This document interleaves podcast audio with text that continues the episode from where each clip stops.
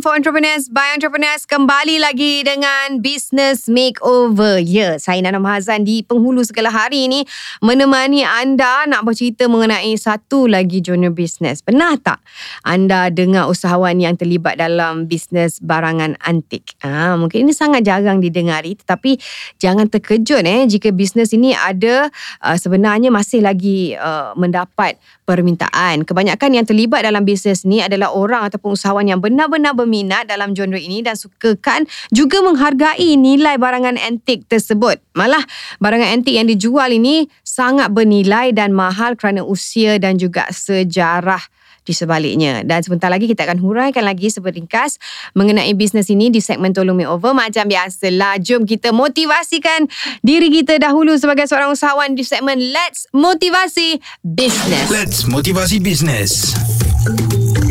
EFM for Entrepreneurs by Entrepreneurs. Alright, untuk uh, Business Makeover, let's motivasi business hari ini. Uh, kita macam biasalah, kita perlukan motivasi diri untuk uh, bersemangat dalam meneruskan bisnes. Apa juga dalam, uh, dalam apa juga keadaan. Uh, konsepnya gitu kan. Dan hari ini, kata-kata motivasi yang ingin saya kongsikan kepada anda adalah... Lakukan sesuatu yang baru dan berbeza. Ha, mungkin semangat dan juga perasaan down kita ni tiba kerana anda ni telah melakukan perkara yang sama berulang-ulang kali. Macam dah tepu gitu kan? Dan teknik juga strategi pemasaran anda sama begitu aja. Sekiranya sama maka keputusan juga akan sama. Uh, jangan mengharapkan perubahan. Sekiranya diri kita dan juga strategi perniagaan kita tidak berubah Ah, maksudnya bisnes model kita sama begitu saja. Strategi marketingnya begitu saja juga. Tak tukar-tukar. Nak melakukan sesuatu yang baru ni mungkin kempen pemasaran baru, teknik promosi baru ataupun strategi penjenamaan yang baru akan memberikan semangat yang baru dan fresh kepada anda untuk belajar dan juga aplikasikan kepada bisnes anda. Dan sekiranya sebelum ini anda tak pernah menggunakan Facebook lah contoh eh Facebook marketing maka bolehlah pelajarinya. Sekiranya anda belum pernah menggunakan blog ataupun YouTube ataupun Instagram maka mulalah pelajari selok belok menggunakan teknik dan strategi ini. Perniagaan akan tetap pada tahap lama. Sekiranya tidak mempelajari dan juga menggunakan kaedah-kaedah yang berbeza dan juga baru. Bukan sahaja di tahap lama tetapi pesaing yang menggunakan teknik dan strategi baru pasti akan tinggalkan anda di belakang. Hmm, jadi sekali lagi usahawan ini akan terus down. Jadi kita bangkit. Ah, ha, semangat kita kena kuat bila kita berani untuk mencuba sesuatu yang baru. Alright, kita ke segmen tolong me over. Nana, tolong makeover. EFM for Entrepreneurs by Entrepreneurs di segmen Tolong Makeover, Business Makeover nak bercerita mengenai bisnes barangan antik. Pastinya bukan mudah eh untuk mencari market dan juga uh, mengetahui pelanggan yang betul-betul meminati uh, barangan antik ni. Dan bukan mudah sebenarnya untuk pengusaha bisnes barangan antik ni untuk menjualnya secara terbuka kerana terdapat barangan antik yang harganya sangat tinggi uh, yang akan membahayakan keselamatan pengusaha itu sendiri. Ha, bagaimana sebenarnya teknik yang paling berkesan untuk mencapai niche market yang betul dan tepat untuk bisnes seperti ini. Kalau anda tengok banyak-banyak kedai antik ada dekat mana? Kalau kita perhatikan uh, kebanyakan pengusaha kedai antik ni menjalankan bisnes di kedai-kedai lama dan ada juga menjalankannya di pusat membeli belah yang terkenal. Uh, dan barangan antik ni sangat mahal dan memberikan pulangan yang tinggi kepada pengusahanya bergantung kepada value dan juga sejarah barangan tersebut lah kan? Dan makin lama tempoh barangan tersebut makin uh, harganya makin mahal. Malah jika barangan tersebut terlibat dengan sejarah-sejarah lama dunia seperti peperangan raja-raja lama dan sebagainya nilainya boleh mencecah dah beratus ribu. Ha, berjuta-juta malah beratus juta ringgit pun ada. Ha, dan jika di pasaran antarabangsa, barangan antik ni dinilai oleh pakar-pakar tertentu yang profesional dan arif uh, berkaitan barangan antik. Malah ada yang dijual secara lelongan. Ha, kat mana sebenarnya kita nak dapat? Kalau lah kita pengusaha nak cari barang-barang antik ni pun kat mana sebenarnya kan? Ha, ilmu tu pun kita kena cari juga. Okay? Usahawan baru yang ingin mencuburi bidang bisnes barangan antik ni, bagaimana mereka ingin memulakannya? Bagaimana sebenarnya teknik marketing marketing yang paling sesuai dilakukan sebab nak meyakinkan pelanggan dan juga pecinta barangan antik ni bukanlah satu perkara yang mudah kerana mereka juga tahu dalam menilai sesuatu barangan antik ni. Kita bila bercerita mengenai satu jenis bisnes ni dalam konteks di Malaysia ni, uh, usahawan baru yang ingin menceburi bidang bisnes barangan antik, macam mana sebenarnya mereka ingin memulakannya? Adakah uh, pihak agensi seperti Mara sedia membantu usahawan yang ingin mengembangkan bisnes mereka dengan suntikan modal? Kejap lagi kita akan cuba tanya uh, mereka yang lebih arif lah dalam segmen Cuba Try Test Share. Cuba Try, test, share.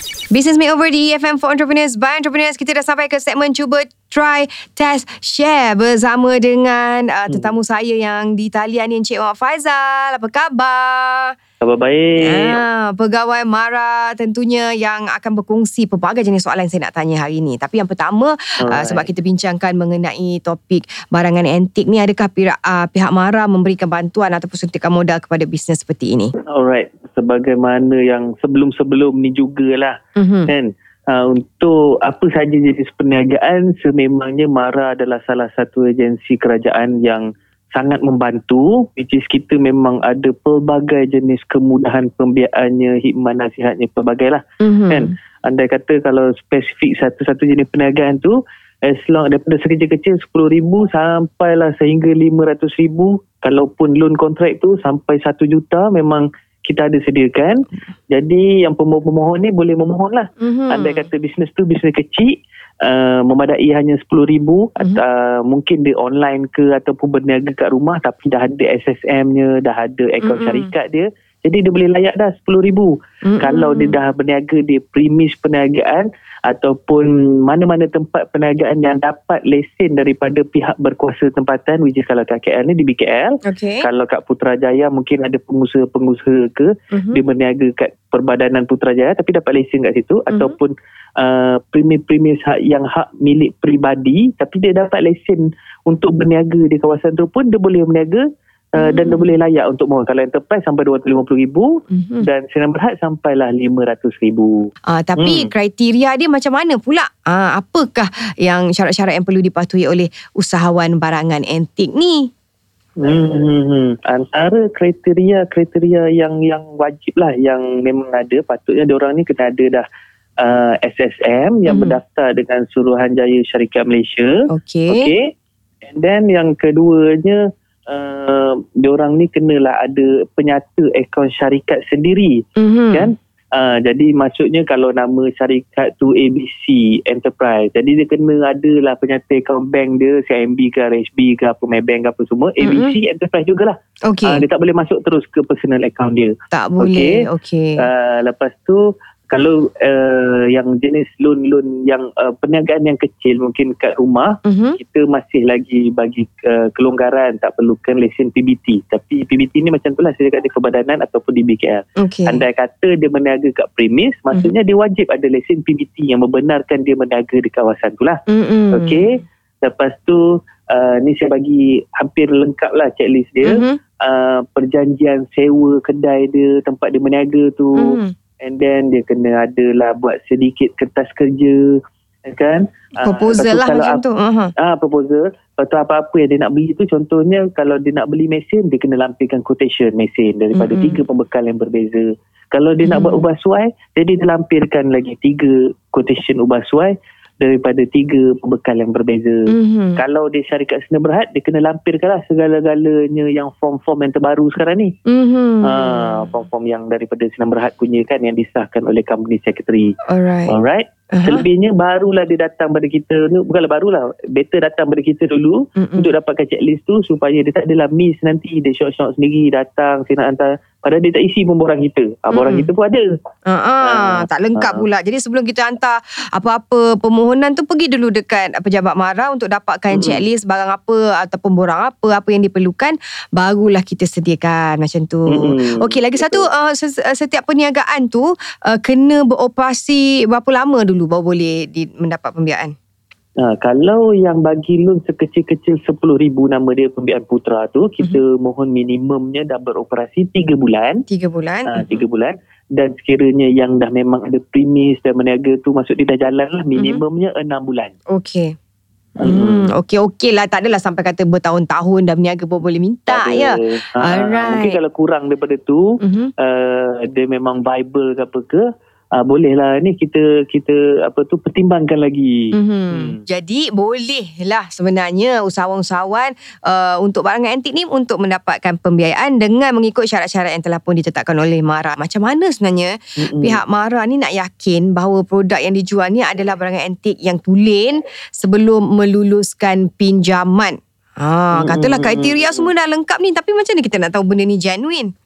Ha, betul-betul. Jadi kalau untuk barangan antik ni sememangnya special lah kata orang tu. Mhm. Uh, Jadi dia perlukan pakar ke apa semua tu kan. Mm-mm. Jadi sebagai pegawai memproses which is saya dapat menilai dia hanyalah daripada kertas kerja proposal yang dibagi pada saya Mhm. dan juga lawatan saya bersama ketua unit apa semua dan dan apa info-info yang bukti-bukti yang dibagi pada saya lah. Mm-mm. Mungkin ada uh, certain punya report yang barang dia ni memang genuine ke apa ke itulah yang mungkin saya boleh tengok saja kan.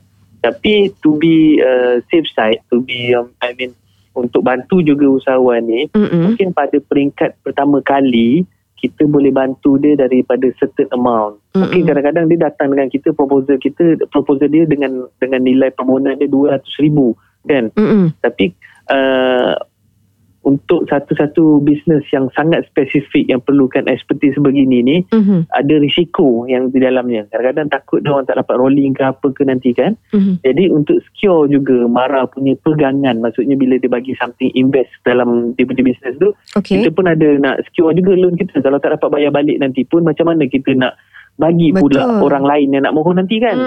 Ah, jadi kita pun nak secure juga kalau kita bagi orang loan tu mesti kita expect dia nak bayar balik Betul. kan.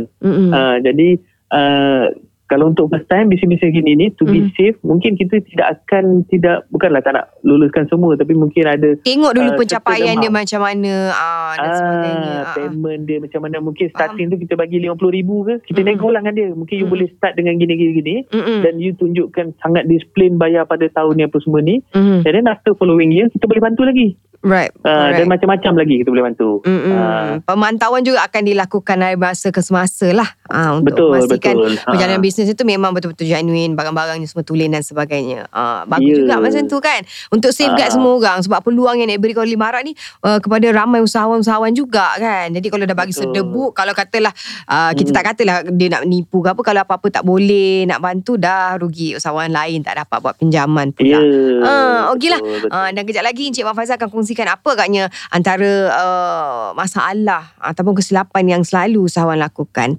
Kalau kebiasaannya kalau usaha-usahawan baru ni kebiasaannya lah orang ni memang lemah daripada segi bookkeeping tu orang. Bookkeeping. Mm-mm. Ah, maksudnya dia tak ada record kan. Mm-mm. Macam jual lagi ni, dia jual-jual-jual, dia beli barang ke apa ke, receipt tu ada lah. Kadang-kadang lepas tu dah miss, tak mana-mana dah pergi receipt tu ke Mm-mm. apa semua. Lepas tu dia dah jual lah. Dia dah sebenarnya dah tahu dah dia pick up dah. Okay tadi belilah RM10 nak jual balik dalam 15, 20. Mm-mm. Ah, jadi dia pick up gitu je. Mm-mm. Tak ada bookkeeping, tak ada record apa semua tu. Susah lah Lepas sikit tu dah macam tu. settle transaction semua tu dia tak bank in pun kan dia tak bank in dalam akaun syarikat dia pun mm dia Mm-mm. pergi rolling je duit tu kadang-kadang tu hampir seminggu dia pakai rolling je lah Mm-mm. uh, jadi tak adalah appear dalam bank statement tu bila end up mungkinlah ujung-ujung dalam tengah bulan ataupun ujung bulan barulah dia sekali masuk duit tu dalam tu 500 ke 1000 Mm-mm. jadi dekat situ dah lah macam slack lah kan bila Mm-mm. kita buat penilaian tu andai kata dia nak mohon RM50,000 Mm. bayaran bulanan dia lebih kurang dalam RM1,000 contohnya Mm-mm. kalau dia sekali je main in duit dalam bank statement dia tu Mm-mm. macam mana kita nak nilai dia dia seorang yang mampu untuk membayar loan marah Mm-mm. ah, itu kesilapan biasa lah ah, memang kesilapan biasa Betul. Ah, jadi kalau boleh kalau sikit-sikit pun 200 punya sale lagi ni dia bagi back in besok dia nak keluar keluar lah Mm-mm. dua tiga hari sekali ke apa ke back in lah lepas tu dia nak pakai balik keluarkan je lah balik kan Mm, maksudnya kena Ah, ada transaksi keluar masuk tu kena ada nampak visible dekat dalam statement tu eh. Hmm, hmm betul-betul Uh, pembiayaan bersama dengan Mara, bantuan daripada Mara macam mana agaknya mereka ingin mendapatkan informasi? hmm, kalau uh, sekarang ni info-info yang paling mudah Mhm. uh, boleh check out kita punya website terus www.mara.gov.my Mhm. jadi dekat situ je ada semua unit semua bahagian semua tingkat yang ada apa semua dalam Mm-mm. Mara ni Alright. siapa yang bos-bos ke apa semua tu ke mana nak refer di situlah paling mudahnya semua tu uh, cumanya kalau nak detail out lagi tu uh, pergi ke page FB Mara Wilayah Persekutuan ataupun Mara Wilayah mana-mana negeri saja Mhm. like page dia boleh terus direct DM dia orang ke apa ke nak tanya apa-apa berkenaan apa yang kemudahan ada alamat kat mana ke apa Mhm. ke dan untuk uh, kursus-kursus keusahawanan silalah like page Pusma setiap negeri juga kalau KL ni Pusma Wilayah Persekutuan lah Mhm. uh, jadi boleh nampak lah apa aktiviti keusahawanan setiap bulan yang dibuat oleh Mara Alright. alright Mhm. Okey, kalau lepas tu kalau mana yang kadang-kadang tu diorang wonder pejabat mara daerah ni ada kat mana Mm-mm. semua kan. Mhm. Ah jadi kita ada lebih kurang dalam 117 pejabat mara daerah seluruh Wow. Malaysia. Mhm. Ah kalau sempat pergilah terus ke pejabat mara daerah ni mintalah nombor direct officer diorang tu, diorang ada official number diorang tu. Mhm. Kok-kok nak tanya kadang-kadang tu nak nak nak tanya apa-apa lah kan. Mhm, mhm. Boleh ke ni kadang-kadang nak pergi dulu tak sempat lah tanya dulu. Ah Mm-mm. tanya dulu kadang-kadang Tak mana faham yang apa-apa. macam- Uh-uh. Ah, mana yang senang tu kan. Dia dah hantar proposal kat saya melalui WhatsApp kadang-kadang tu. Hmm. Ah, Cik Faizal boleh tak kalau sempat nanti baca nanti. Kalau okey baru saya nak submit. Ah, jadi pun saya sempat baca dan saya respon dulu. Mm-mm. Ah, jadi tak adalah kadang-kadang orang tu dah submit, dah hantar, dah datang, dah spend masa apa semua tu. End up tak boleh rupa-rupanya kan. Tak lengkap Ah, dan jadi- sebagainya. Ah, kadang-kadang dia boleh counter check dengan kita awal. Baguslah. Ah, Mara ni maksudnya sangat-sangat accommodating kepada usahawan-usahawan. Alright, terima kasih kepada Encik Muhammad Faizal kerana sudi bersama dengan kita hari ini. InsyaAllah ada masa boleh kita interview lagi ya Encik Muhammad Faizal. Alright. Alright. Business Makeover bersama Nana Mazan. Uh, itulah jadi apa juga sebenarnya genre bisnes yang kita lakukan. Contohnya barangan uh, semahal-mahal barangan antik ni ha, kita mesti kena ada kepakaran dalam bidang ini. Bukan apa sebab bila kita melakukan satu perniagaan ni mungkin agak asing untuk agensi-agensi or even uh, macam dikongsikan oleh Encik Muhammad Fazal tadi, uh, kita kena ada penilaian dahululah. Ha, sebab nak tengok prestasi kita macam mana, adakah perjalanan bisnes kita okey sebelum kita mendapat pembiayaan dengan mana-mana agensi. Jadi yang penting bookkeeping, kita punya uh, kunci kira-kira kita mesti kena on the dot gitu. Kena ada lah uh, transaksi keluar masuk dan sebagainya. Okey, kita akan kembali selepas ni di segmen pepatah yang boleh kita gunakan dalam bisnes. Pepatah in business. EFM for Entrepreneurs by Entrepreneurs Business Makeover memang sangat berseri dengan kehadiran segmen kita pepatah ataupun peribahasa yang boleh kita gunakan dalam bisnes. Dan hari ini, ah, ni saya pasti ramai orang tahu ah, peribahasa ini iaitu Hangat-hangat tahi ayam. Maksudnya melakukan sesuatu dengan tidak bersungguh-sungguh. Uh, mereka tidak dinafikan terdapat usahawan uh, yang uh, memang melakukan satu bisnes ni secara ala kadar je. Tidak bersungguh-sungguh. Sebelum memulakan bisnes mereka begitu bersemangat tetapi selepas beberapa ketika dan masa mereka jadi malas dan buat benda semua ala kadar je. Jadi sebagai usahawan janganlah kita cepat merasa bosan dengan apa yang kita buat kerana kita uh, ada eh sikap malas ni kalau kita ada buat ala kadar je peratusan dan juga kebarangkalian untuk gagal adalah sangat besar dan juga akan cepat berlaku. Anda nak tak uh, perniagaan anda hangat-hangat tahi ajam je? Tak mau kan? Nah, jadi janganlah begitu. Okey, kita kena fokus dan usaha lebih dalam perniagaan kita.